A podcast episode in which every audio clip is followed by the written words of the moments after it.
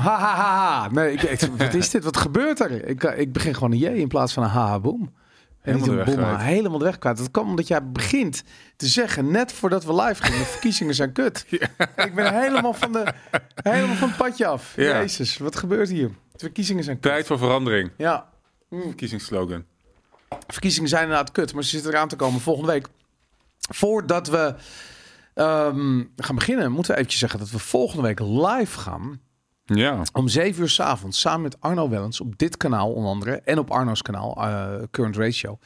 En dan gaan we een verkiezingsspecial doen. Live om 7 uur s avonds tot BAM. En ehm, ja, hopelijk hebben we dan al exit polls en gezelligheid. En eh, heel veel Arno hier in de uitzending. En heel veel Robert. En heel veel Boris. En ehm, eh, misschien kunnen jullie met z'n allen inbellen, weet ik veel. We weten het niet. Ik, ik roep maar wat. Gaan we gewoon kijken of het allemaal kan. Lijkt me hartstikke leuk. Ja, lachen. Vooral heel veel gezelligheid. Verkiezingen zijn kut, maar gezelligheid, daar eh, Gezelligheid is niet kijk kut. ik echt naar Nee. uit. Ja. Absoluut. Ehm, verder natuurlijk, na afloop van deze uitzending gaan we door eh, op vivavalentine.com met een extra voor alle tribe members, voor alle bazige bazen, want die zijn er in overvloed. Ehm, ja, jullie zijn allemaal van harte welkom eh, om naar vivavalentine.com te gaan en daar gewoon gezellig je tribe member schip, ship in, ehm, in actie te brengen en ehm, ja, mee te kijken met de extra. Dat gaat hierna dus gebeuren op vivavalentine.com. Zo, nu heb ik dat praatje denk ik voor de 80.000 keer gehouden. Nu ben ik er Ja. klaar mee. Nu gaan we het hebben over de uitzending. Nu gaan we het hebben over verkiezingen.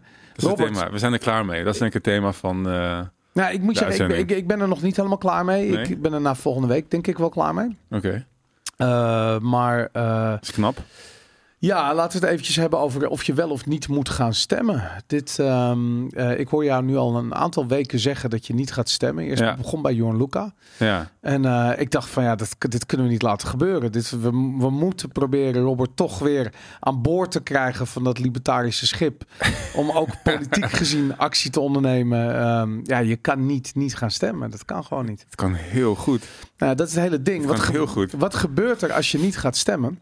Nou, Ehm, de, ehm, eh, de totale aantal uitgebrachte stemmen wordt eh, verdeeld over het aantal beschikbare zetels. Mhm. Ehm, dat betekent dat als er minder mensen gaan stemmen, dan eh, heb je dus minder stemmen nodig voor een zetel. mhm. Dus de grote partijen gaan daarvan winnen. Dus als je bijvoorbeeld zegt van ja, ik ga niet stemmen, want eh, ehm, ehm, de kleine partij waarop ik wil stemmen, die, eh, ja, weet ik veel, die komt toch niet in de Kamer of misschien toch maar met één zetel of weet ik veel wat zoiets. Dat maakt niet uit. Het gaat erom dat door te stemmen maak je het bijvoorbeeld de VVD en D66 en PvdA GroenLinks, vooral, vooral Timmermans, maak je het moeilijker om nog een extra zetel ehm, eh, binnen te halen. Dus ja, dat is het ding, Robert. Ik bedoel, of, En- je, of je stemt gewoon op de partij waar je op je wil stemmen. Of je stemt niet. En dan stem je dus gewoon op eh, GroenLinks. Timmermans, ja. Timmermans, ja. Ja, ik vind het een hele... ehm, Maar, je- maar jij denkt, je denkt dat je kunt weglopen van, van het systeem. Weet je? Ja. Dat je gewoon zoiets hebt van ja, maar... Maar ik niet kan. Je, het enige wat je kan doen is weglopen van het systeem. Ik ben echt heel. Ik was ook onderweg hier naartoe naar de studio. En dan zie ik de ene in authentieke kop naar de andere op een poster Mhm. prijken met een slogan, niks zeggende slogan eronder. En ja, maar ik het is allemaal kut. Ik snap het alles is kut. En, niet, Ja. en niet alleen de grote partijen. Ik zat net ook te kijken naar een ongehoord Nederland en het kleine partijdebat. En Mhm. dan krijg je zo'n vraag van uh, Rijsa Blommestein. Die zegt van, eh, van ja, en eh, mer- ja, merk je, heb ik ook al van gehad, merk je dat, eh, dat er meer aandacht is voor kleine partijen? En dan, en dan ja, ja, nou. Nee, nee, het is onzin. Er is is, het nooit meer geen- aandacht voor kleine partijen. Niemand gaat erop stemmen. We gaan Nee, maar dat is ook niet waar. Er gaan echt genoeg mensen op stemmen. Maar het een paar geniet- duizend man gaan erop stemmen. En dan, en Ja. dan, en dan, en dan. Ja, en dan, maar dat, En dan, en dan twee keer zoveel. En dan drie maar keer zoveel. dat- En dan vier keer zoveel. En dan heb je één zetel. En dan heb je twee zetels. Er is, een en wat heel, dan? er is een heel mooi voorbeeld geweest. eh, wat was het? 2004, 2005. Eh, toen hadden we de, eh, ehm, eh, een historisch lage opkomst voor het Europees Parlement. Voor de verkiezingen van het Europees Parlement. Mhm. En ehm, volgens mij een opkomst van 30% zoiets. Heel Nederland had zoiets van fuck dat, fuck Europa. Wat moet ik met deze oplichters? Het gebeurt allemaal. Weet je, en wat is het resultaat daarvan? Gewoon waar we nu zitten. Weet je, het, het stopt niet. En ik ben het met je eens dat stemmen niet per se heel zinvol is. Want het systeem wat, je, wat we hebben leidt er altijd toe dat we een soort van coalitie gaan zien van ja, de grote partijen, weet je. En nu is daar dan toevallig nieuw sociaal contract uh, bijgekomen. Wat, wat redelijk bijzonder is, dat er een grote nieuwe partij in één keer opstaat. Nou, toevallig hebben we het bij de Provinciale Staten met BBB gezien. Um, maar dat neemt niet weg dat je gewoon alsnog... Um, ja, overgeleverd bent aan de VVD en aan PvdA GroenLinks en weet ik veel wat. Oh, er gebeurt iets met de audio. Ben ik dat? Ja, ik ben het. Um, dus ja, er valt niet heel veel te winnen, maar er valt wel een boel te verliezen. En dat is namelijk dat ze nog groter worden. Dus elke stem, zelfs als de partij nog zo klein waar je op stemt, is niet een weggegooide uh, stem. Maar ik denk dat we het overton window hiervan echt zeer moeten gaan, gaan verbreden. En bedoel, waar je over praat is een zetel, een stem of meer of minder voor de een of de andere partij in een systeem wat uiteindelijk niet ervoor gaat zorgen dat we onze fundamentele mensenrechten terug gaan krijgen. En er zit, een, er zit iets in het.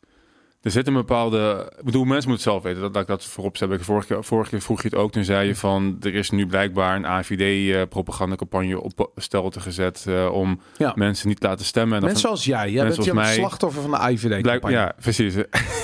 en, en blijkbaar zijn er meer mensen. Ga je dat gewoon geven? Het is echt helemaal niks wat mensen vinden. De IVD wil. En, nee, je gaat niet slag, lekker slapen hoor. Als je weet dat de IVD jou heeft gewoon uh, je stemgedrag heeft beïnvloed. Ik ga heerlijk slapen, want het is niet zo. Want ik zei vorig jaar ook al dat, dat het niet stemmen en het je onttrekken aan dit uh-huh. frauduleuze systeem, dat dat um, al iets wat heel lang speelt binnen de, binnen de vrijheidsgemeenschap, libertaire ja. kring. Ik, zolang als ik bij de LP zit, wat het sinds 2013 is, mm-hmm. ja, 2013, ken ik ook al mensen die zeiden van ja, die, die um, principieel tegen stemmen waren, omdat ja. je je fiat geeft aan een systeem waar je. Um, nee, maar dat is echt onzin. Je geeft niet een fiat aan nou, een systeem. Je wel. Als jij, als jij nee, je, je, gooit zand in het machine, even goed. Nee, als jij meedoet met een systeem, dan kan je niet zeggen later van ja, maar dat wil ik helemaal niet. Dat kan ik heel goed. Ja, echt heel goed. Maar je kan het nog beter als jij. Als jij zegt, misschien moet je even het filmpje van George Carlin. Hebben die, hebben die, die inzet? Ja, die ga ik, die ga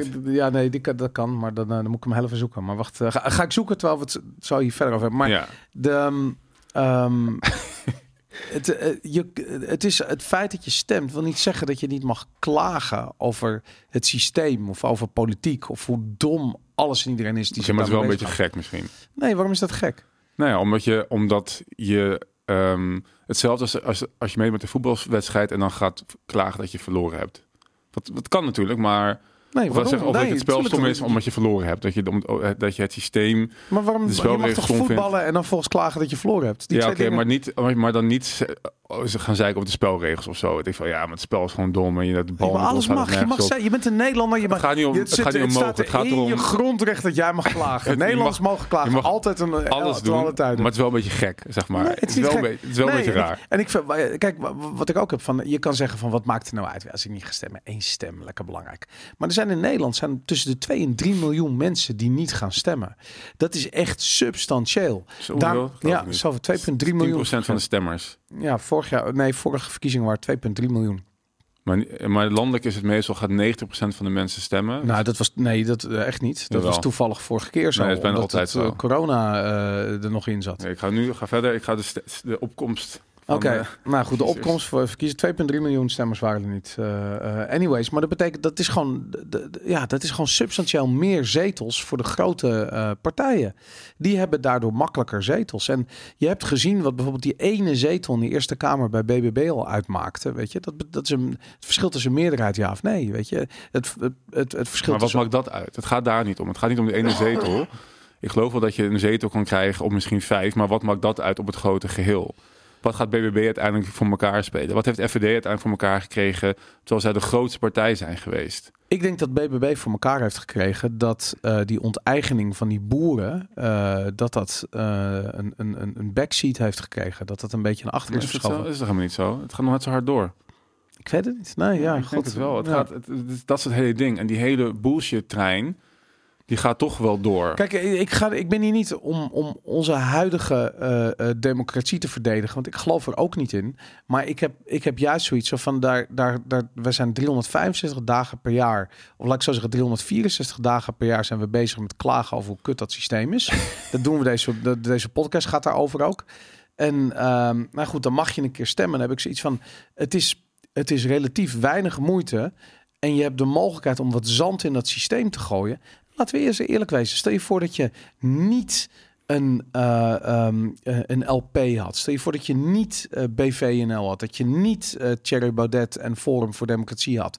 Als het die partijen er allemaal niet waren. Mhm. Dat is wat je gaat krijgen. Als al de mensen die er niet in geloven niet meer gaan stemmen. Dan zijn al die Ja. partijen gewoon weg. En dat is precies wat ik wil. Als we, als we dat punt zijn aangekomen en de onvrede die dan heerst, wordt Mm. niet meer gekanaliseerd in een frauduleus systeem waarbij mensen denken iets te kunnen veranderen.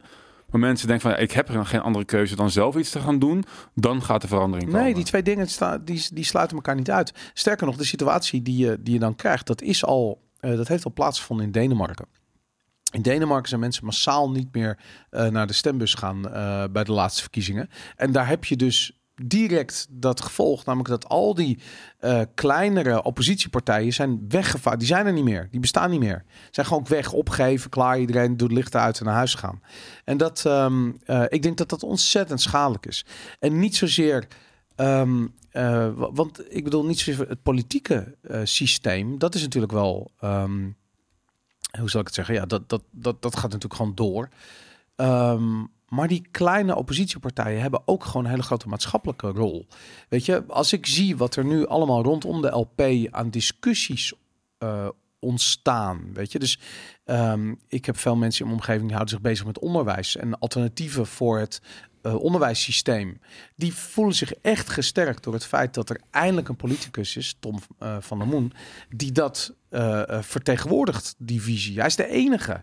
Nou, dat is, dat is echt heel belangrijk. En dat, ehm, ehm, ik, weet je, ik ben, ik ben het met je eens dat helemaal onze democratie die we hier in Nederland hebben, het is, een, het is echt het slechtste van alle werelden. Weet je, er zit echt heel veel onzin daarin. Ook het, het feit dat we die, die coalitievorming hebben, die zorgt dat we eigenlijk elke vier jaar dezelfde uitslag hebben. Mhm. Ehm, het feit dat kleine partijen nooit aan bod komen. Maar dat wil niet zeggen dat hun rol in de oppositie. Zelfs al wordt die rol genegeerd. Hè, dat hebben we ook gezien. Dat, eh, dat er gewoon moties worden voorgedragen. Die worden aangenomen over de invoering van die digitale identiteit door Europa. En vervolgens wordt het alsnog gewoon doorheen gejast door dit. eh, weet je, dat systeem werkt niet. Dat snap ik. Maar ik denk dat het belangrijk is om het van buitenaf of van buitenom eigenlijk opnieuw op te bouwen. Nou, dat zijn we aan het doen door deze podcast. Zijn we ook aan het doen met Bitcoin bijvoorbeeld en hoe we dat supporten. Ehm, maar aan de andere kant, waarom niet van de gelegenheid gebruik maken om het ook mensen te supporten die, dat, die zoiets hebben van nou, ik ga dat van binnenuit eh hervormen. In plaats van het van binnenuit alleen nog maar machtiger maken. Want dat is, eh, eh, dat is het alternatief. Ja, en ik denk dat het, je voorbeeld van Denemarken, ik bedoel, dat is nu net gebeurd, maar ik kijk het, ik bekijk het voor de lange termijn. En ik bekijk het niet voor de komende verkiezingen of de komende regeerperiode of misschien die vier daarna. Maar er moet een fundamenteel andere wind gaan waaien in Nederland. Mensen moeten fundamenteel anders tegen dingen aan gaan kijken. Moeten uit dit overtoon stappen. En dat doe je eerder door... Ancilla zei, die, die, die, die, die, twijfelt tussen niet stemmen Mhm. en inderdaad op de Libertaire Partij stemmen, zag ik op de Insta voorbij komen. En die zei ook, ja, ik niet stemmen, daar zitten, daar zit, ze noemt het dan een energetische reden achter. Op het moment dat jij stemt, jij, het voelt toch alsof jij je verantwoordelijkheid en je daad, oh, de, de, de, de, je hebt iets gedaan. Je hebt te veel geyogaat, dat heb je gedaan. Ik heb nog, ik heb echt al heel lang niet gehad. Ik ga over één week op vakantie. Dude, het zijn de verkiezingen. Nee, het maar is gewoon, dit is Het precies. is geen energetische reden. Ja, dat is het wel. Het is het wel. Het is, het is als jij, oh, noem het energetisch, noem het psychologisch. Als jij gaat stemmen, jij denkt, oké, ik heb mijn ding voor de komende vier jaar weer gedaan en we gaan verder niks veranderen. Nee, helemaal niet. Ja, dat is nee, wel hoe het werkt. Wat zijn er dan voor oordelen? Dat is, wat Luister, zo is hoe het werkt. Nee, er zijn, er zijn van de 18 miljoen Nederlanders, eh, zijn er 17 miljoen die absoluut niet nadenken bij niks niet. Ook als ze stemmen en ook als ze gestemd hebben. Dat, dat is nou helemaal zo. Dat is bloed fucking irritant. Al, Ja. zouden we, al zou de helft daarvan wakker worden, Ja. zou, zou eens een keertje zijn ogen open doen. Ze kijken van, 10%. wow, wat gebeurt hier? Dan zou de wereld al veranderen. Ja. Maar En daar, Totdat daar moeten we heen. Ja, snap ik. Maar die, dat, dat, dat, zijn, dat, dat ga je niet bereiken met eh, stemmen. Dat ga je bereiken met media. Je bereikt mensen met media. Ja. Maar dat wil niet zeggen dat als... Ik bedoel, als eh, Tom zo meteen de Tweede Kamer ingaat... omdat er genoeg mensen op hem stemmen... dan heeft hij een platform. Precies wat je zelf ook altijd zei. Je kunt die Tweede Kamer gebruiken als platform om Hmm. je boodschap uit te dragen. Nou, dat alleen is het al. Het is een media outlet. Zo moet je het zien. Dat is precies wat Forum goed doet. Mhm. Die, die gaan helemaal niet naar die fractievergaderingen en god weet wat ze allemaal doen daar. Die zijn, die zijn er helemaal niet. Die zijn alleen maar bezig met gewoon een grote bek opzetten in die, in, die, in die planaire zaal en daar gewoon videootjes van op, op, op social media te posten. En dat is prima. Weet je, ik bedoel, als dat is waar het voor gebruikt, is ook goed. Ja, dat, en dat kan. Maar nogmaals, voor de lange termijn, wat gaat het bijdragen aan de verandering die we nodig hebben? Ja, maar dat is wel waar ik Wat het over gaat heb. het bijdragen dat je boodschappen gaat doen vanavond, weet je? Ik Nou, bedoel- dat ik te eten heb. Ja, maar het, dan, hoe, hoe gaat het dan iets bijdragen aan de... Sommige dingen dragen gewoon niet iets bij, Wat- best op een lange termijn. Wat is dat? Dat- Ja, maar dat is nou precies mijn Ja, maar ik punt. kan nog ik kan zeggen, ja, maar zal ik schoenen kopen, zal ik niet schoenen kopen? Heel veel dingen dragen niet iets bij aan de lange termijn. Dat maakt ze nog niet zinloos per se. Nou, zinlozer. Ja, zinlozer omdat ze, omdat ze eh, eh, in een grotere schaal... Sommige dingen zijn gewoon banaal. Stemmen is, is zo... Wat allemaal? Nee, maar stemmen is gewoon een banale bezigheid. Zo je stemt op Pietje of op Jantje. Oké, dat was het. Gaat Pietje of Jantje zijn, zijn beloftes waarmaken? Nou, waarschijnlijk Niet. niet. Laten we toch gaan stemmen. Laten we toch gaan Nou, stemmen. ik vind het een heel goed verhaal. Ik ga, Ja. ik, je, je, hebt me, je hebt me overtuigd. Ik denk dat ik misschien toch Ja, maar kijk, weet je, wat het ding is, je, hebt, je mag kiezen. Dus je hebt een stem die je mag uitbrengen. En daar, in die stem kan je dus kiezen. Ga ik de leugens van Frans Timmermans, ga ik die kracht bijzetten door niet te gaan stemmen? Want dan wordt Frans Timmermans, die, die is daar blij mee, weet je, die wordt dan groter. Dus eh, Tenzij ja, ik op hem ga, zou gaan stemmen. nou ja, dat, dat is wel zo. Als je, maar als je eh, op Frans Timmermans zou stemmen en je besluit om niet te gaan stemmen, dat is hetzelfde. Dat is namelijk echt hetzelfde. Want Nee. als je niet stemt, dan worden de grootste partijen worden groter. Want die hebben al een boel. Hun, hun, de stemmen die ze krijgen, worden relatief gezien belangrijker. Nee, dat is niet zo. Jawel, dat heb ik net uitgelegd dat dat gebeurt. Ja, nee, maar dat is, het, het is zo als je van inziens bent om een kleine partij te gaan stemmen en dan niet op die partij stemt, dan is het, dan zeggen ze dat het dubbel zo hard telt. Ja. Omdat de, maar goed, dat vond ik, vond ik ook wel redelijk interessante eh, wiskunde, omdat dan de kiesdeler Precies. Ja. kleiner wordt en er dus meer zetels zouden gaan naar die grote partij. Ja, het is, het is een beetje. Nee, maar dat is, dat is een wiskunde. Dat is gewoon super simpel. Er, is gewoon, er zijn 10 miljoen stemmen. 2 miljoen mensen besluiten niet te stemmen. Dat betekent dat gewoon alle zetels verdeeld worden over die 8 miljoen stemmen. Nou, en, en de grootste partij, stel dat dat Ja. VVD is, die gaat dan gewoon twee, eh, of wat- is het? Maar je, 100, je krijgt dan gewoon evenredig naar die, de, de 8 miljoen worden gewoon evenredig verdeeld over de, of hoe noem je die, de zetels Ja. worden evenredig verdeeld over die 8 miljoen stemmen. En dus het aantal stemmen wat je dan ophaalt. Ja, dus je kan, kan ook zeggen het is beter, want de kiesdeler gaat omlaag. En nee, nee, gezien- nee, maar luister, waar het om gaat is wie zijn de mensen die niet gaan stemmen? Ja, dat zijn exact, mensen die het om. Maar denken dat heeft zoals niet- jij. Ja. Maar het heeft dus niet te maken met het feit dat mensen niet gaan stemmen, maar het feit dat mensen niet stemmen op een kleine partij. dat is het probleem. Nee, en, ja, dat, en omdat ze het zat zijn. Dus de oppositiestemmers gaan niet stemmen. En Ja, dat, dat zijn is- er niet dat een paar. Dat zijn ja. er 2,5 miljoen. Dat zijn er nogal wat. Ja, exact. Nee, maar dan, dat, is, dat is het probleem. En, en niet, niet, niet gaan. Mensen die. Nou, en hoe lossen we dat probleem? Wat D66 zouden we kunnen verzinnen, Robert, om dit probleem op te lossen? nou ja, als, door als, door misschien gewoon te gaan stemmen, toch? Nou ja, het ligt eraan hoe je het probleem definieert. Ik bedoel, het ligt eraan wat je oplossing is. Als je banaal wil doen, dan moet je gaan stemmen. Wil je lange termijn oplossingen gaan doen, dan misschien niet. Maar soms wil je banaal doen. Er Ja, is niks mis mee. mag. weet Nee, je? maar ik bedoel, Het is ook niet. ik- ga naar de McDonald's als je dat nodig vindt. Exact. Ik bedoel, dat soms kan gebeuren. Mensen doen het. Weet je? Ik bedoel, ga gewoon stemmen. Het is, het is absoluut. Het is de eet politieke gewoon. McDonald's. Neem gewoon die vaccinatie. Wat kan er in die frikandel zitten? Weet je? Ja. Neem die vaccinatie. Maar goed, ga gewoon stemmen. Ja. En neem die frikandel. Steek hem in je arm. Ja. En het, eh, ja, ik, ik, wat kan ik zeggen? Weet je, als je, zeker als je een, een, een oppositiestemmer bent, dan moet, je, eh, dan moet je gaan stemmen.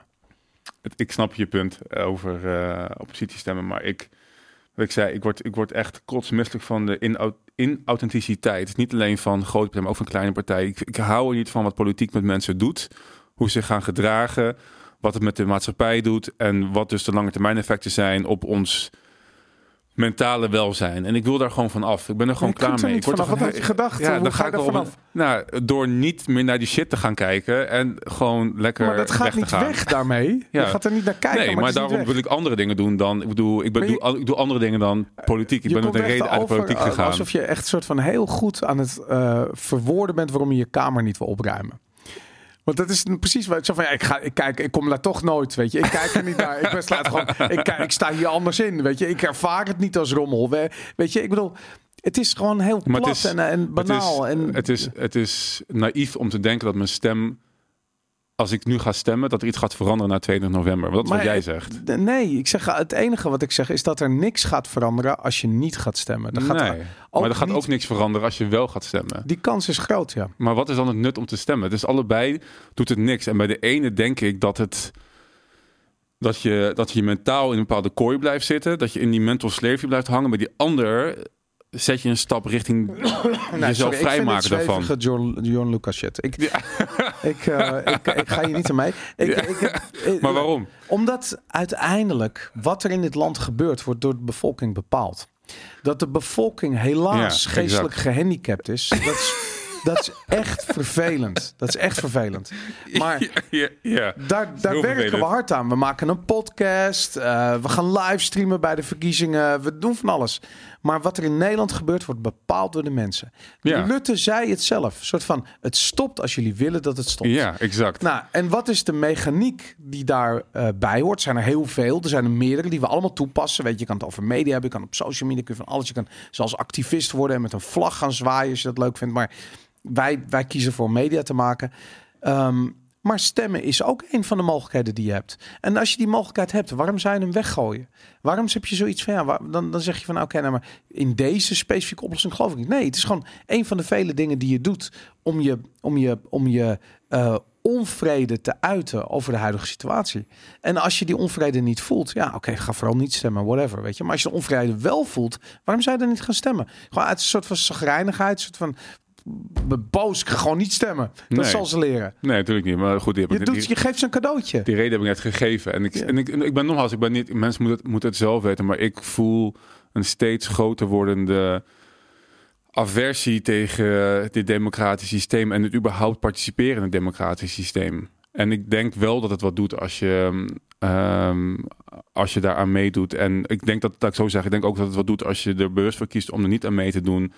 En bewust ook gaat kijken naar andere oplossingen. En het, je kan het tezamen doen, maar ik voel niet. Ja, ik weet niet. Ik voel niet Maar, maar die. wacht even, je, je- je- ten eerste, wacht maar tot we echt geen democratisch systeem hebben. Kijken wat voor aversie je daar tegen voelt. Weet je, als we allemaal letterlijk in de gulag verdwijnen. Ehm, en om heel eerlijk te zijn, ik denk dat we helemaal geen democratisch systeem hebben volgens de definitie zoals Nee. jij hem nu gebruikt. Ehm, weet je, wat wij als democratisch systeem hier hebben, is niet democratisch. Want ja, je kan, kan stemmen wat je wil, maar de grootste partijen zullen altijd de meeste stemmen trekken, omdat ze gewoon de media beheersen. Mhm. Nou, dan vind ik juist dat als wij als kleine mediapartij eh, proberen een ander geluid eh, eh, te, te, te, te verspreiden, dat dat ook een soort van eh, eh, politieke component heeft. Mhm. Ondanks dat we een anti-politieke podcast zijn. En dat is namelijk dat we juist de, de mensen die bij die gedachtegang en bij, die, bij dat geluid horen en bij dat, bij dat, bij dat eh, libertarische denken horen, dat we die op een voetstuk zetten en zeggen van ja. Deze, en we hebben, ze, we hebben er drie gehad. We hebben Jelena Postuma gehad van de Forum. We hebben eh Wiebren van Hagen gehad van eh, BVNL. En we hebben eh, Tom van der Moen gehad van de LP. Ik denk dat dat de drie libertarische stromingen zijn in de politiek vandaag Mhm. de dag. Nou, dan is het toch niet meer dan logisch dat je die mensen, dat je daarop stemt. En, en ehm, eh, eh, wetende dat het waarschijnlijk kleine marginale partijen zijn. Maar hopende dat ze toch in de Tweede Kamer terechtkomen.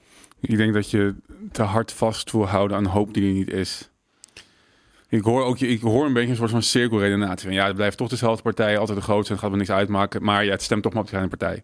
Ja, Maar het gaat toch niet uitmaken, want de grote partij doet alles. Ja, maar toch even maar de massa partij. bepaalt. Dat is gewoon het hele ding. Als Nederland wakker wordt, en wie weet zijn ze deze keer wel wakker. Of misschien Maar zijn ze dat? net wakker. Ja, maar eh, ik weet het, want die 2,3 miljoen mensen die niet gaan stemmen. Klopt ik zag dat de opkomst is 80% normaal gesproken, al sinds jaar en tijden. Ja, En het aantal stemmers is 12 miljoen, dus er zijn dan 3 miljoen mensen die niet stemmen. ja. Nou, zoiets. Als die 3 miljoen mensen niet stemmen omdat ze boos zijn op het systeem en allemaal gaan stemmen op het systeem, dan heb je dus, eh, eh, dan is eh, BVNL of Forum of eh, de LP, dat zijn opeens hele grote partijen.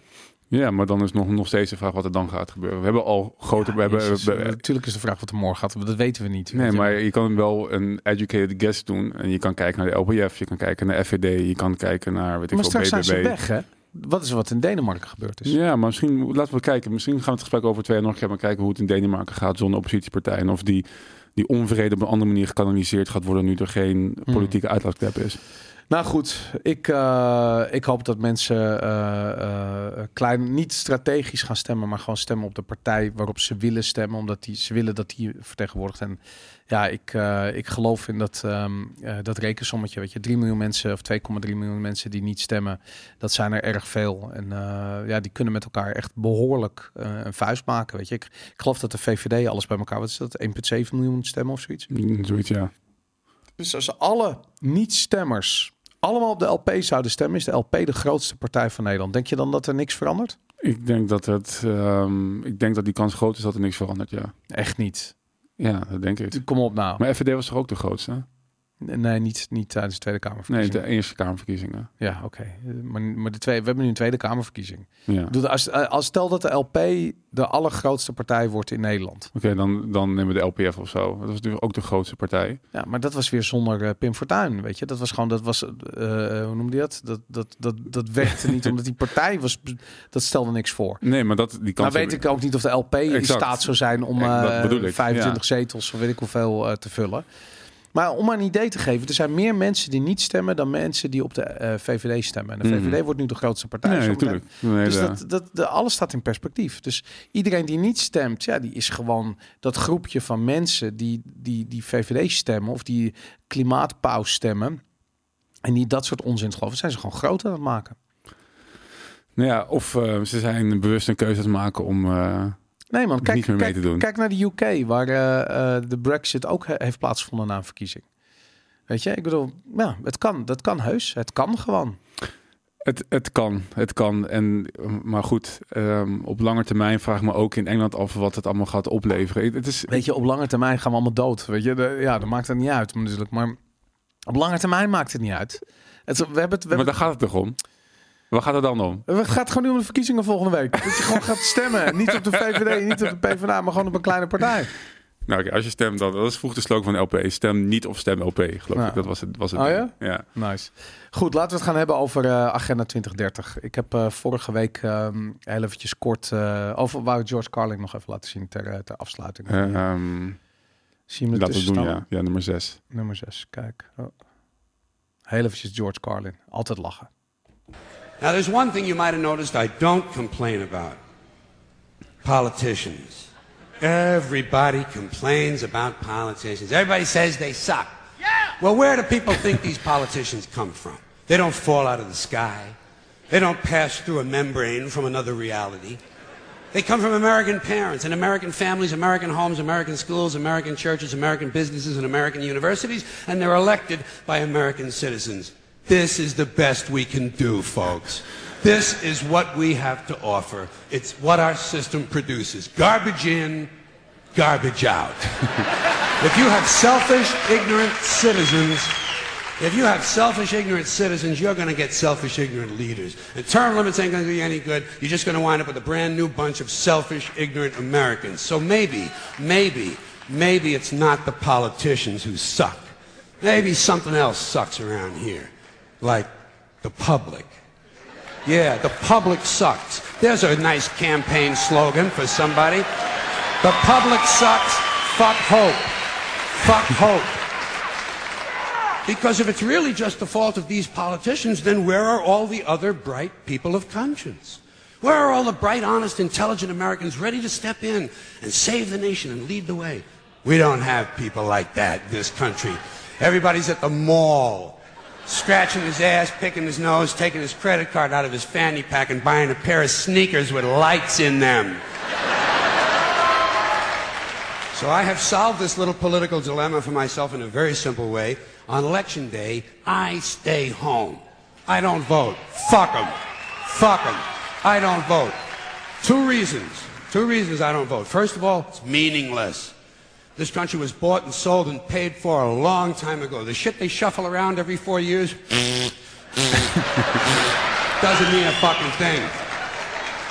And secondly, I don't vote because I believe if you vote, you have no right to complain. People like to twist that around. I know. They say, they say, well, if you don't vote, you have no right to complain. But where's the logic in that? If you vote, and you elect dishonest, incompetent people, and they get into office and screw everything up, well, you are responsible for what they have done. You caused the problem. You voted them in. You have no right to complain. I, on the other hand, who did not vote, who did not vote, who, in fact, did not even leave the House on election day, am in no way responsible for what these people have done and have every right to complain as loud as I want about the mess you created that I had nothing to do with. so I know that a little later on this year you're going to have another one of those really swell presidential elections that you like so much. You'll enjoy yourselves. It'll be a lot of fun. I'm sure as soon as the election is over, your country will improve immediately. As for me, I'll be home on that day doing essentially the same thing as you. The only difference is when I get finished masturbating, I'm going to have a little something to show for it, folks. Thank you very much. Jee. Nou, het is, het is sowieso grappig daar. eh, daar Briljant. Ja, nee, het is tof. Hij is, hij is geniaal. Goed, eh, agenda 2030 gaan we het over hebben. Ik, ehm, eh, eigenlijk vond ik het jammer dat dit al ter sprake kwam bij de eh, uitzending die we met Wiebren Mhm. hebben gedaan vorige week. Want ik was het aan het voorbereiden en ik had de video's allemaal niet bij me. En eh, het is veel leuker om te laten zien wie die mensen zijn. Mhm. Dan om eh, zomaar eventjes in de notendop dat verhaal te vertellen. Maar Mhm. goed, oké, dat heb ik wel gedaan. He- helaas, jammer eigenlijk. Maar ehm, ik ga je eh, voorstellen aan Dennis Meadows. En ik ga hem eerst eventjes... ehm, nee, ik ga eerst even vertellen wie hij is. Hij Mhm. is een van de originele oprichters, oprichters van de Club van Rome. Ehm, en de Club van Rome was een denktank. eh, opgericht door een Italiaan met een aantal anderen. Hij was een van die anderen. Ehm, hij is een eh, hoogleraar eh, ehm, eh, verbonden aan de Amerikaanse universiteit. Hij hield zich bezig met complexe probleemoplossing. Hmm. Complexe problemen, dat soort dingen. Nou, dat betekent ook van alles en nog wat tegelijkertijd. Heel sociaal bewogen figuur vond hij van zichzelf. En hij, eh, ja, hij, hij was betrokken bij die Club van Rome. En ik ga je eventjes een kort fragmentje uit een interview laten zien... dat je weet wat voor soort kerel dit is. But in one way or another, we are so far, globally, we are so far above the population and the consumption levels which can be supported by this planet that I know in one way or another it's going to come back down. So I don't hope to avoid that. Uh, I hope that it can occur in a, a, a civil way. I, I, and I mean civil in a, in a special way. I, peaceful. Peace doesn't mean uh, that everybody's happy, but it means that conflict isn't solved through violence, through, through force, uh, but rather in other ways. And so uh, that's what I hope for. Um, that we can, I mean, the planet can support something like a billion people, maybe two billion, depending on how much liberty and how much material consumption you want to, have. If you want more liberty and more consumption, you have to have fewer people. And conversely, you can have more people. I mean, we could even have eight or nine billion probably if we have a very strong dictatorship, which is smart. That's unfortunately you never have smart dictatorships; they're always stupid. So, but if you had a smart dictatorship and a low standard of living, you can have it. But but we want to have freedom and we want to. Goed, oké. Dan zijn toch alle dictatorships zijn toch altijd met low standards of living? Of, eh, Ja, absoluut. nou? Ja, nou ja, eh, het interessante is, hij zegt een aantal dingen. Hij zegt eh, dat er niet meer dan één, eh, maximaal 2 miljard mensen op aarde kunnen wonen. Dat we dus de, hij- dit is een interview van, hij leeft nog steeds overigens. Hij, hij is uit 1947, toen hij geboren, hij leeft nog steeds. Ehm, dit interview is een paar jaar terug opgenomen volgens mij. En hij zegt, toen hadden we dus nog geen 8 miljard mensen op aarde, nu volgens mij wel. Maar ehm, hij zegt van ja, we moeten dat terugbrengen, dus naar die 1, 2 miljard. En daar begint het gesprek mee en zegt hij van hopelijk kan dat zonder geweld te gebruiken. ja. Het is heel interessant om bijvoorbeeld naar de uitrol van de vaccinaties, eh, van de coronavaccinaties te kijken vanuit dat perspectief bijvoorbeeld. Mm. En hij zegt ook van ja, het moet meer eh, gelijkwaardig zijn. Dus niet alleen maar de, eli- de elite die de rest van de bevolking afslacht. Maar het moet een beetje gelijk verdeeld worden, weet je. En dat, Iedereen is eh, een beetje dood of Iedereen, zo. ja, van, vanuit elke laag van de bevolking moeten mensen dood. Dat is eigenlijk wat hij zegt. En veel ook, want anders dan komen we nooit aan die eh 1, 2 miljard. Schappig, ik dacht dat die club van Rome veel ouder was. eh, dat die, maar het is inderdaad 1968 opgericht, onder andere ook door David Rockefeller. Ja, klopt inderdaad. Ja, het is heel erg interessant. Eh, Henry Kissinger is erbij betrokken, maar daar komen we zo op. Ehm, wat interessant is aan deze, eh, eh, deze eh, Dennis Meadows, is dat hij, eh, ehm, omdat hij uit die Amerikaanse academische wereld kwam, in contact stond met Jay Forrester. En Jay Forrester is een eh, computer engineer bij MIT. En die, ehm, eh, na Dennis Meadows gesproken te hebben, besloot om een computermodel te ontwikkelen. Wat de, eigenlijk de, het verloop van de mensheid eh, zou voorspellen. Dat heette het World Model. En eh, ik ga een klein Hmm. videootje laten zien eh, eh, wat dat, eh, hoe dat werkt, hoe dat eruit zat. En het is van het televisieprogramma uit 1973 is dit.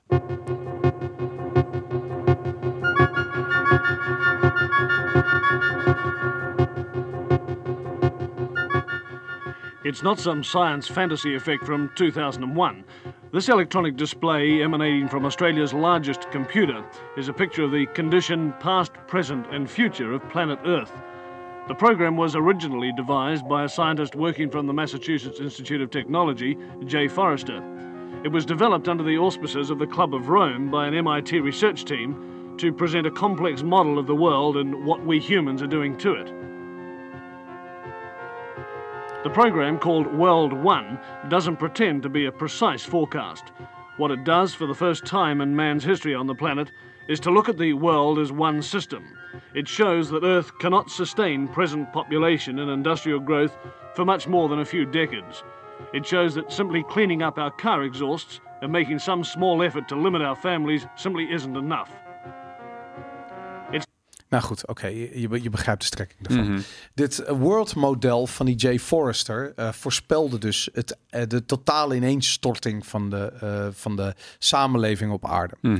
En ehm, het interessante is dat dit eigenlijk gebouwd is op een economische stroming die toen ontzettend dominant was op dat ogenblik. En dat is de, ehm, laten we zeggen, de, we noemen het vaak gekscherend de Keynesiaanse economie, maar dat is eigenlijk iets wat voortgebouwd is op de neoclassieke economische gedachtegang, dat alles ehm, te kwantificeren valt. Mhm. En eh, eh, wat die gasten, eh, wat dat soort economen fantastisch vinden, is het idee dat je een model kunt bouwen waarin dus de, de eventuele toekomstige ehm, eh, ontwikkelingen zou kunnen voorspellen. Dus dit was koren op de molen van die economen. Die hadden, die hadden allemaal zoiets van wauw, dit is geweldig. Weet je, dus als je het hebt over de babyboomers, dit is de babyboomer natte droom. Weet je, dat je de toekomst kunt voorspellen aan de hand van de nieuwe technologieën. Weet je, je, Mhm. je hoort het al, Australië's grootste computer, die kon aan het World 1 model draaien. En je ziet hoe het eruit ziet. Weet je, ik bedoel, het is waarschijnlijk eh, Je, je technische rekenmachine. ja, nog niet een fractie van een, eh, van een mobiele telefoon vandaag de Ja. dag. Maar goed, anyways. Ehm, overigens is... ehm, eh, ehm, eh, we krijgen nu vaak te horen van ja... de, de, eh, de bevolkingsgroei en, en dat het allemaal niet vol te houden is. Al dat soort ideeën komen allemaal uit dat computermodel.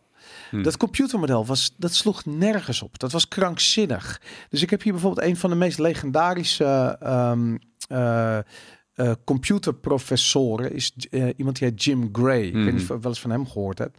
Eh, hij heeft vele prijzen gewonnen van Microsoft, alles nog wat. Maar aan het begin van zijn carrière, toen hij net bij IBM werkte, kreeg hij de opdracht om naar dat World model te kijken. En hij vertelt er even kort over. So um, at, at Berkeley, we were, you know, very socially conscious, and we uh, wanted to see if we could use computers for things more than inventory control, and in particular, could we use them for some kinds of social planning. And there was a guy at uh, MIT by the name of Jay Forrester who had similar ideas. He'd been using computers for inventory control, and he said, you know, maybe we could use this for city planning, and then he, he did some of that. Urban Dynamics was a book that he wrote about that. And then he wrote, uh, I think it was called World Dynamics. And something called the Club of Rome got formed. And, and, and there was this very dystopian view of the world, uh, which is that, you know, we're going to run out of resources in the year 2020. And this computer model proves it. And uh, so I had uh, re-implemented Forrester's uh, models at, at Berkeley, and uh, I uh, went.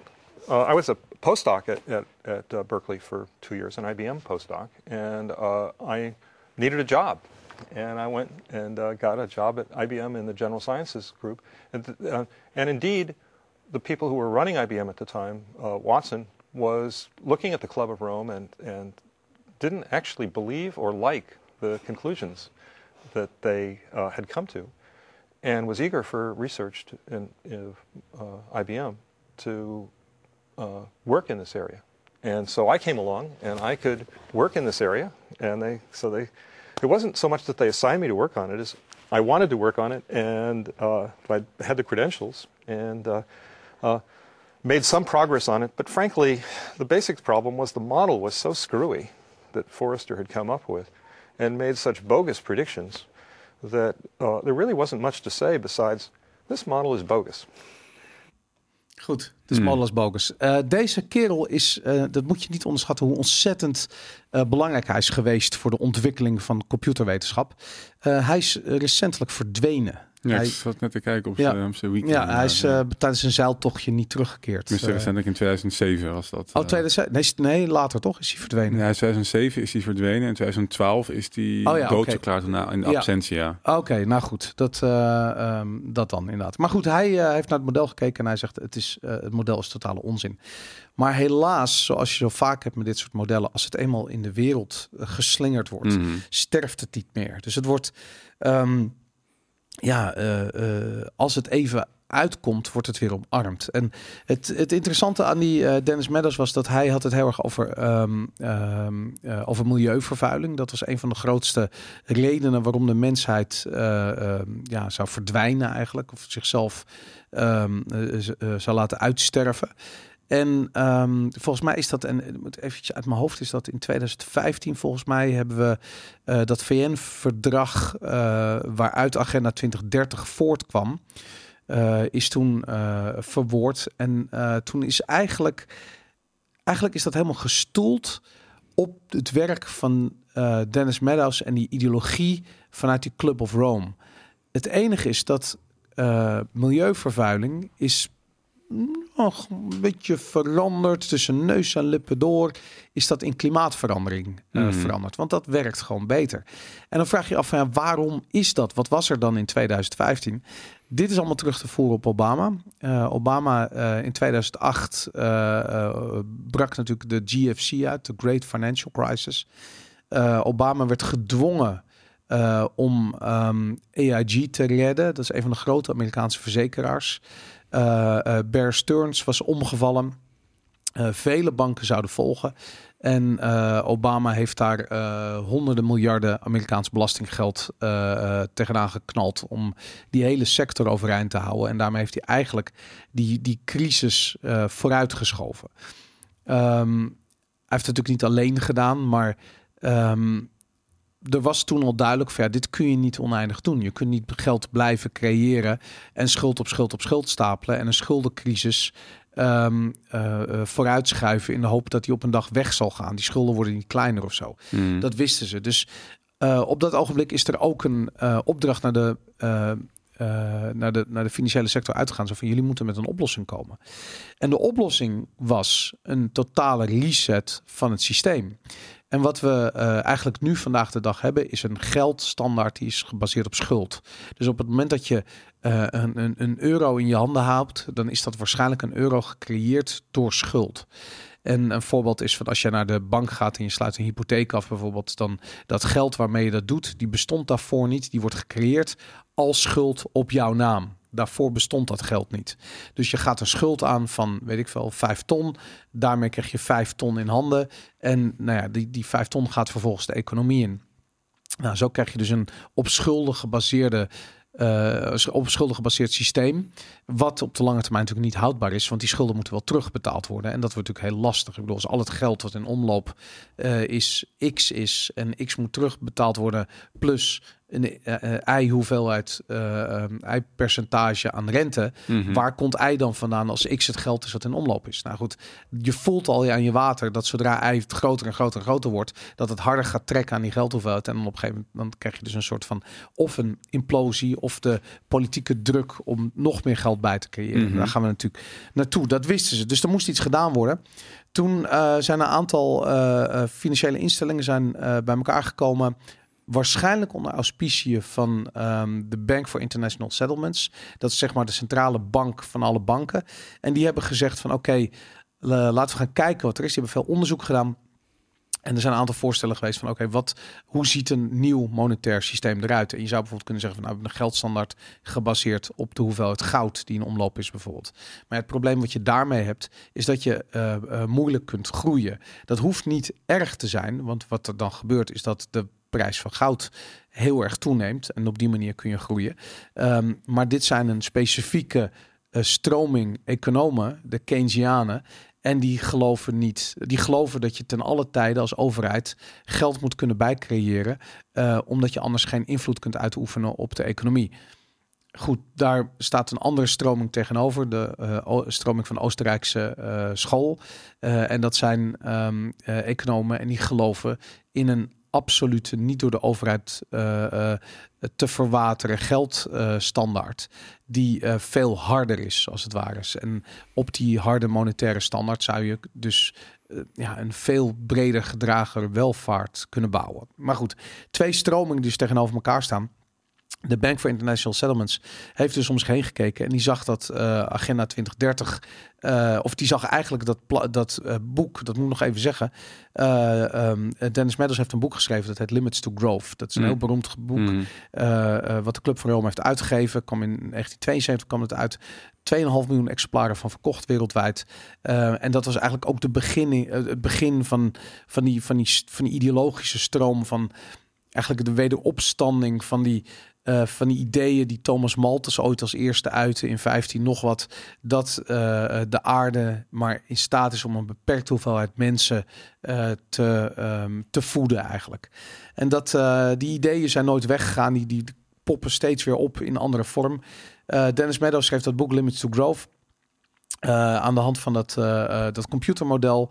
En dat, dat is eigenlijk een beetje in vergetelheid geraakt. Maar eh, de Bank for International, eh, for International Settlements dacht van nou, dat is interessant. Ehm, wat als we nou eh, energiegebruik als onderpand voor een nieuwe geldstandaard kunnen krijgen? Stel dat dat zou werken, hoe zouden we dat dan doen?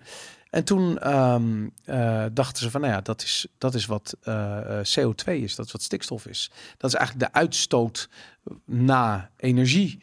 Eh, gebruik, naar energieconsumptie. Dus als we dat kunnen meten, kunnen kwantificeren en een soort prijs aan kunnen hangen, nou dan, kun je, dan kom je dus in de buurt van een model waarop een nieuwe monetaire standaard als onderpand CO2-uitstoot heeft. Nou, dat is wat ze aan het bouwen zijn, eh, Maar gebaseerd dat begon dus in 2015, want ik, of niet? Was dat in niet- 2015 kwam dat samen in een eh, VN, eh, dat was voor mij COP 1. En eh, de VN kwam bij elkaar en die hebben dat klimaatplan gepresenteerd. En ehm, dat heette Agenda 2030. Het heette nog, ik weet niet uit mijn hoofd hoe het helemaal heette, maar ehm, oh, het heet wel Transforming Our World, de 2030 Agenda for Sustainable Development. Mhm. Zo heet het. En dat, ehm, eh, dat is dus de, daar komt die hele 2030 agenda vandaan. Mhm. Die timeframe 2030 komt uit Limits to Growth. Omdat eh, Dennis Meadows zei van nou, eh, eh, vanaf het jaar 2030 kunnen we die societal collapse verwachten. En eh, ze hebben die twee dingen bij elkaar gevoegd. Het heeft helemaal niets met elkaar te maken. Mhm. Maar ze hebben gewoon gedacht van nou, hier kunnen we mooi, een- dit is een mooi verhaal. Hier kunnen we wat mee. En dat... ehm, En dan eh, doe je het verhaal van die to growth en het CO2.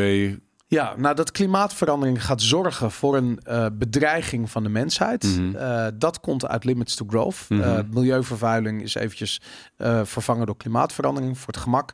Om maar die nieuwe geldstandaard, om dat er maar aan te hangen. En dat eh, uh, wat je dus krijgt zometeen, is die, wat ze nu aan het bouwen zijn, al die CO2-rechten die verkocht worden, die exchanges voor die CO2-rechten. Uh, die CO2-rechten gaan zo meteen model staan, of eigenlijk de basis vormen voor uitgaven van nieuw geld, voor een nieuw monetaire standaard. Dat is wat die CBDC's zijn. Dat is waarom digitale ID's eh, zogenaamde wallets zijn. En wallets heten. Waarom heet het een wallet? Omdat je er geld in kunt doen. Mhm. En dat eh, je uitgavenpatroon zo meteen gekoppeld is aan je CO2-verbruik. En dat gaat eh, ehm, ja, nieuwe geldcreatie eigenlijk een, van een onderpand voorzien. Dat is maar van de idee. onderpand of het, het gaat het nieuwe geldcreatie beperken omdat je uitgaven gewoon beperkt zijn, omdat je niet meer mag uitgaven dan een bepaald CO2 niveau of Nee, maar dat is allemaal arbitrair, weet je. Ik bedoel, maar waarom wordt het, gaat CO2 dan als onderpand dienen voor geld? Ik zie die link nog even. Omdat het voor jou en mij niet gratis is om CO2-rechten te kopen. Ja. Dat is waar het om gaat. Ja, precies. Dus wat je, eh, kijk, wat je wil, en dat is natuurlijk, eh, je hebt de babyboomer generatie die opgegroeid is met de Dennis Meadows, met de Club van Rome, de Henry Kissingers, eh, Klaus Schwab, die ook samen met Henry Kissinger, Henry Kissinger was een Duitser, of is een Duitser.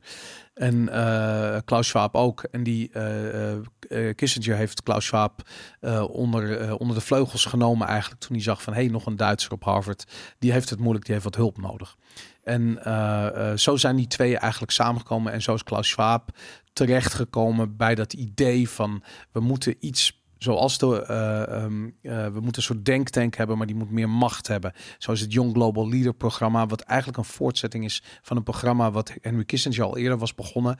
Eh, maar Klaus Schwab heeft dat overgenomen en die heeft dat soort van geprofessionaliseerd. En het is wel interessant om je te realiseren dat Klaus Schwab al met deze shit begonnen is ten tijde van de Club of Rome. Dus ook in het begin jaren 70. Zo lang is hij al bezig. Dus als hij zegt, we penetrated the cabinets met heel veel ehm, eh, glee, weet je, met heel veel trots, Ja. zegt hij dat eigenlijk. Ja, waarom? Hij is daar al zo lang, hij is er al Ja. 50 jaar mee bezig om dit voor elkaar Mm. te krijgen. Dit is niet iets wat hij afgelopen jaar. Nee, nu zien we hem allemaal als de bad guy. En hij is gewoon aan het doen wat hij al 50 jaar doet. En dat, ehm, eh, dat is natuurlijk op zich een. ehm, eh, ja, moet je dat even realiseren.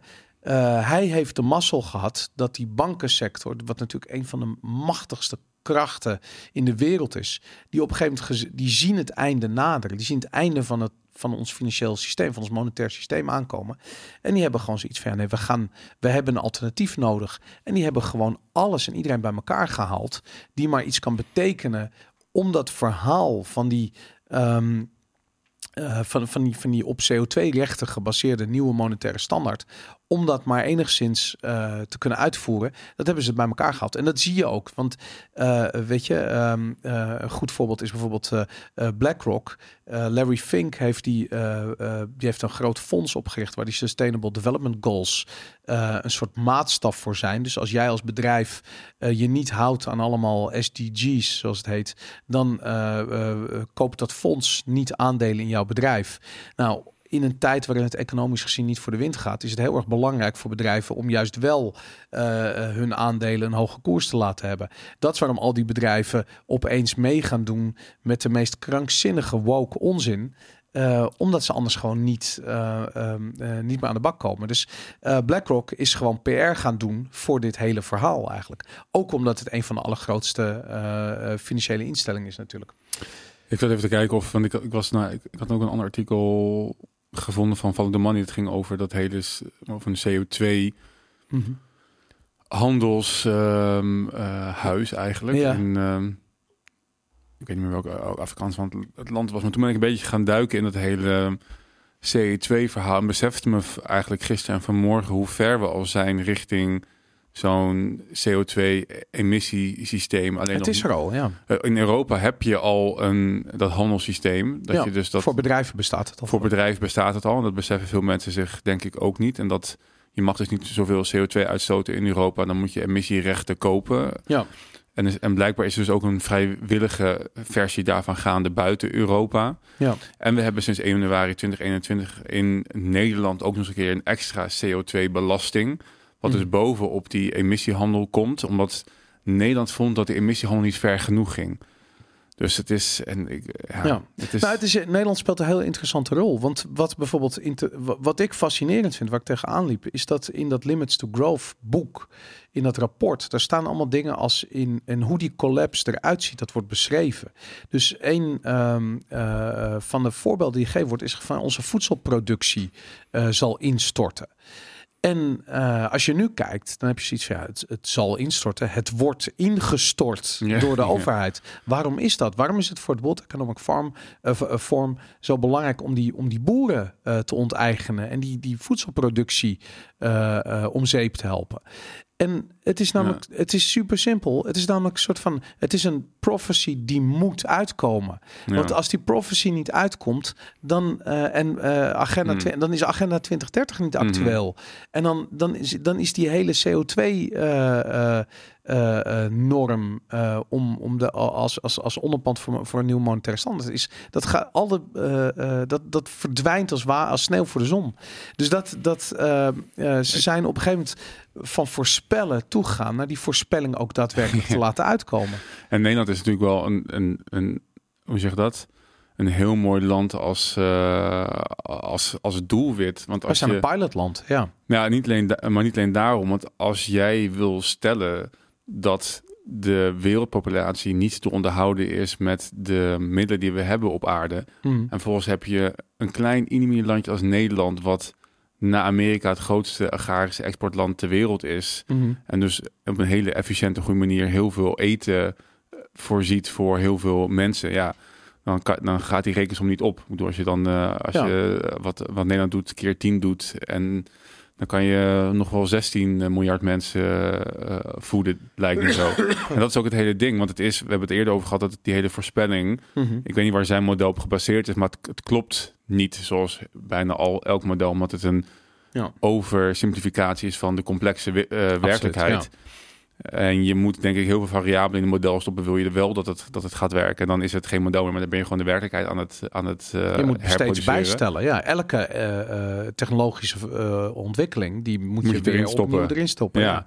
En, en het o- tegenovergestelde gebeurt nu, want we zien overal die societal collapse juist gebeuren en steeds Ja. minder mensen geboren worden. Dus die, ten eerste is die piek van overbevolking, of we gaan niet naar 8 miljard is haalbaar, dat hebben we al gezien. Mhm. We gaan volgens mij naar max 10 miljard en dan gaan, gaan we weer dalen gezien de huidige trend. Maar goed, alle mensen in de wereld passen in Zuidoost-Azië zo'n beetje. ja.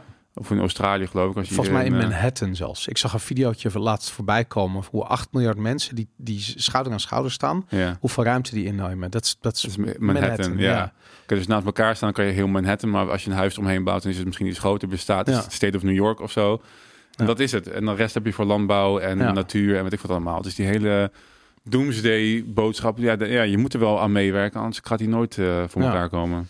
Nou ja, dat, dat idee. eh, eh, en dat is waarom we daarin zitten. En dat is waarom ehm, eh, veel mensen die hebben zoiets van ja, hoe, hoe passen al die dingen in elkaar? Het feit dat we aan de vooravond staan van een soort van economische, eh, eh, grote economische crisis. Het feit dat we eh, die oorlog hebben tegen de boeren, dat we corona hebben gehad, dat we, weet je, Israël, hoe heet het, ehm, eh, Oekraïne natuurlijk. Hoe passen al. Sorry. hoor. Hoe passen al die dingen bij elkaar, weet je? Dat, Mhm. dat, dat is niet eh, eh, heel vanzelfsprekend allemaal. Dus Nee. eh, ja. Ehm, dus dan heb ik zoiets van, ja, ik vind het belangrijk dat deze dingen aan elkaar gekoppeld worden en dat het ook besproken wordt.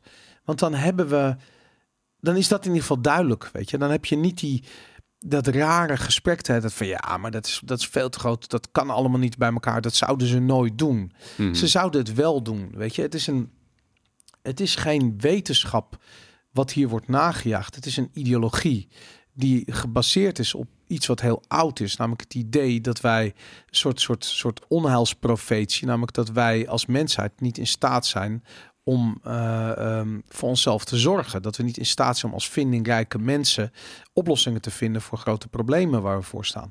En dat, ehm, want dat zijn we namelijk wel. Wij zijn vindingrijke mensen. Mhm. Eh, en daarom, da- dat is ook wat er interessant aan is. Dat, ik zei dat ook met ehm, vorige week met, eh met Wiebe van Haga.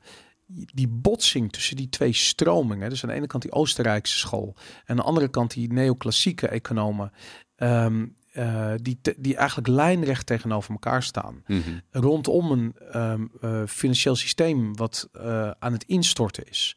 die Oostenrijkse economen die gaan gelijk krijgen. Die gaan laten zien namelijk van de mens is in staat om vindingrijk om te gaan met eh, wat voor problemen er ook op zijn pad komen. En die neoclassieken die hebben zoiets van nee, nee, nee. Het moet allemaal geman het moet voorspeld worden en gemanaged worden, moet op ingespeeld worden. En alleen dan zijn we in staat om een probleem daadwerkelijk op te lossen. Hmm. En het bizarre is, er zijn geen voorbeelden dat dat ooit gebeurd is. De enige voorbeelden die we echt hebben in, in onze maatschappij is dit soort onzin. Computermodellen die niet uitkomen, die op onzin data, op wishful thinking zijn eh, samengesteld, die ge- eigenlijk misbruikt worden om een soort beleid op, aan op te hangen, wat vervolgens volledig averechts werkt. Kijk naar corona, weet je. Niets aan de coronamaatregelen heeft ook maar iets bijgedragen aan de oplossing van het probleem. Mhm. Sterker nog, het heeft het probleem exponentieel groter gemaakt. Mhm. Dat is hoe, dat is wat neoclassieke ehm, eh, economen eh, voor elkaar kunnen krijgen. Namelijk helemaal niks. Ja. Het is ook,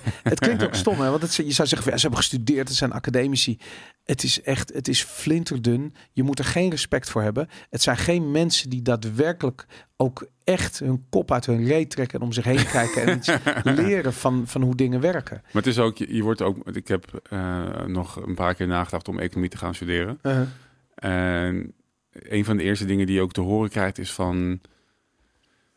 ehm, ja, dit zijn, dit zijn, ze doen een aantal aannames. ja. En die aannames, ik denk meteen van, ja, daar klopt geen reet van. Maar die aannames moet je wel, dat is de basis voor je economische studie. Ja. En als je daar niet, eh, maar die, en die worden niet bevraagd. Dat zijn gewoon de aannames. Ja. Ik, ik heb ze even niet meer paraat wat het nou was, maar dat... 2% inflatie is een goede. Nee, het was, nee, het ging, het ging anders. Ehm, was het? Nee, ik weet het niet meer. Maar het ging voornamelijk over aannames die je bij modellen die ze maken doet. Wat ik zeg van je, een, model is dus je zegt ehm, deze variabelen, weet, ik- weet ik veel, het aantal baby's wat wordt geboren Mhm. eh, is eh, afhankelijk van eh, de welvaart en het eten of zo. Weet ik veel, Ja. twee dingen. Nou goed, er zijn natuurlijk tig redenen wa- wa- waar, waar, waar, die, waar dat van afhangt. ja. En meestal bestaat je model maar uit twee of drie, nou misschien vier als je heel stoer bent, vijf variabelen. Ja. En, maar dat wordt als normaal gezien. En, dat, en, die, en die weergave van de werkelijkheid, dat dat, dat, dat werkt, daar, daar, wordt, daar groeit elke econoom. En trouwens, elke wetenschappelijk onderzoeker die, groeit, die wo- wordt daarin geschoold. Want dat is wat je leert, dat dat zo'n regressiemodel, dat, Ja. dat, dat dat heel veelzeggend is voor hoe de werkelijkheid eh, in elkaar steekt. Oké. Ik, eh, ik weet het van de Quantity Theory of Money. Ik weet niet of je dat kent. Nee. Nou, dat is goed. Ik we het daar niet over hebben. Maar het is een bepaald. eh, eh, het, het is een. eh, ehm, eh, ehm, het, het is een model om bepaalde. eh, om eigenlijk te, te, de, de geldhoeveelheid te managen. Mhm. En je hebt dan de omloopsnelheid van het geld. En de. nou goed, zijn een aantal, aantal dingen spelen een rol. Maar goed, dat is iets wat. Goed, dat wordt, dat wordt heel vaak gebruikt om bijvoorbeeld inflatiedoelstellingen te formuleren. Maar Mm. het is, het is hetzelfde idee. Het, zijn ook, het is ook een model en het is ook wishful thinking. De, ja, meer, meer kun je er ook niet van maken, inderdaad. Is die Jim Gray, die, is, is er nog iets eh, conspiracy theories achter zijn verdwijning? Of is het gewoon eh, een bootongeluk? Ja, dat was een zeiler, geloof ik, hè? Hij was een zeiler. Hij is in zijn eentje eh, erop uitgetrokken om de as van zijn moeder Ja. uit te strooien. En hij is nooit teruggekeerd en nooit gevonden. Dus ja, god. ik vond het interessant overeenkomst te hebben met... hoe heet die? Arjen, ehm, de Nederlandse... Oh ja. hoe heet het? Arjen... hoe heet hij nou? Arjen nog wat. Ja, ik ben, ik ben ook zijn naam niet vergeten. Ja, goed, oké. Arjen dus. Ehm, dat dus. Ja, dat was eh, de Club van Rome. Kamphuis. Arjen Kamphuis, natuurlijk. Ja, Kamphuis, inderdaad. ik zeggen. Ja. Ja. Wist je trouwens dat eh, de Club van Rome nog steeds bestaat? Eh, ja. Weet je wie er lid van is? Nee. Queen, eh, de, de, de meest linker in middelste rij. Beatrix. Ja, Queen Beatrix of hebben niet eens een website hebben ze. Die heeft eh, ook overal de fik in zitten. Hè? Bilderberg was de medeoprichter van, toch? nou, dat was Prins Bernhard. Oh, toch? Bernard was dat ja. inderdaad, ja. Ja, nee, zij. eh, maar goed, ze is natuurlijk al lang niet meer koningin eh, eh, Beatrix of the Netherlands. Ze is nu prinses, geloof ik, van de Netherlands. ja. Dus eh, ze mogen die website wel een keertje updaten van ze. En wat is de... Even kijken, is er nog andere bekende... Ik kan het niet lezen. Bekende namen ertussen? Of is het niet... eh, Nou, niet echt. Alleen het is, het is die hele eh, eh, vereniging is niet meer heel relevant. Eh, een van de voorzitters nu is, een, is de oprichter van Triodos Bank. Ah, Die zit erin. Nou ja, goed, ik weet niet. lekker belangrijk lijkt me. Ze, zijn, ze doen er niet meer toe. De, het stokje is overgedragen aan de World Economic Forum. Die zijn nu, Ja. die zijn nu als een gek bezig. Ehm, zullen we afsluiten met John Lennon? Laten we het doen. Ja, Ja. ik, eh, ik eh, groot fan van, eh, van zijn ding. Gaan even kijken naar een klein videootje. I think our, all our society is run by insane people for insane objects, objectives. You know, And I think that's what I sussed when I was 16 and 12, way down the line. But I expressed it differently all through my life. It's the same thing I'm expressing all the time. But now I can put it into that sentence that I think we're being run by maniacs for maniacal mean uh, ends. You know. If, if anybody can put on paper what our government and the American government, etc., and the Russian, Chinese, what they are actually trying to do, you know, and how what they think they're doing, I'd be very pleased to know what they think they're doing. I think they're all insane. You know, but I'm liable to be put away as insane for expressing that. You know, that's what's insane about it. Ja, mooi. Denk je dat als John Lennon nog geleefd had nu, dat zijn manier zou zijn geweest om die maniakken weg te krijgen om nog harder te stemmen? Ik Denk het wel, ja. Ik denk Ja? dat het was een LP'er in, eh, in hart en nieren. Denk je? Eh, ja, zeker weten. Dat, eh, misschien zou hij wel voor hem stemmen. Ja, weet jij veel. Ik denk dat hij hele andere dingen aan het zou gaan doen. Nou, ik zou zeggen, deze generatie aan eh, mu- muzici, die zijn allemaal eh, eh, massaal de prik gaan halen en de, boost, en de tachtigste booster gaan halen. Die hebben zich heel erg lang bang laten maken in die coronatijd. Ja. Ik was vroeger altijd fan van eh, Bruce Springsteen. En die gast is ook zo ontzettend van het padje geraakt in die coronaperiode. weet je, ik denk, weet je, ik, ik bedoel, eh, Rage Against the Machine met, eh, hoe heet het, Fuck You, I won't do what you tell me. Maar ze moet, wilde wel graag een coronapaspoort zien als je naar, naar binnen kwam. Eh, Ah, die, ze muzikanten, sorry, maar ik... ehm, we zijn echt ver afgedwaald. Van de- ja, inderdaad. Dit is in deze periode, weet je, als ze twintigers zijn en ze nog heel ideologisch bevlogen zijn, zijn ze tof. En daarna echt op een gegeven moment moeten ze gewoon stilletjes met pensioen. En dan moet je er Ja. ook nog wat van horen. Nou, misschien worden ze oud en fragiel en bang voor de dood. En dus bang, ba- bang in het algemeen. En dan gaan ze dat soort dingen doen. Ja, daarom. En dan snappen ze misschien ook wat, eh, wat die overheden allemaal aan het doen zijn. Ja. Ze zijn gewoon een zak aan het vullen. Dat vind ik ook. Hij zegt, ze zijn insane. Ze zijn niet insane. Ze zijn gewoon geld aan het verdienen. Het is gewoon een business. Ja, Ja. maar wel een, ja, wel een gestoorde business. Het is een gestoorde business. Maar goed, dat zijn, eh, ja, het is wat het is. Ja. Hmm. Goed, wij gaan eh, door op vivavalentine.com met de extra. En in die extra gaan we het hebben over ehm, onder andere eh, vechtende senatoren in Amerika. Je gelooft het niet. We gaan het hebben over de, ehm, een eh, neushoorn. de witte neushoorn. Ja, waar het echt super goed mee gaat. Je gelooft het niet. Eh, we gaan het hebben over. ik hoop dat we terug, eh, dat we erbij terechtkomen nog. ehm, de muggen. 200 miljoen genetisch gemani- gemanipuleerde muggen die gisteren zijn uitgezet of eergisteren zijn uitgezet in, eh, op Bali.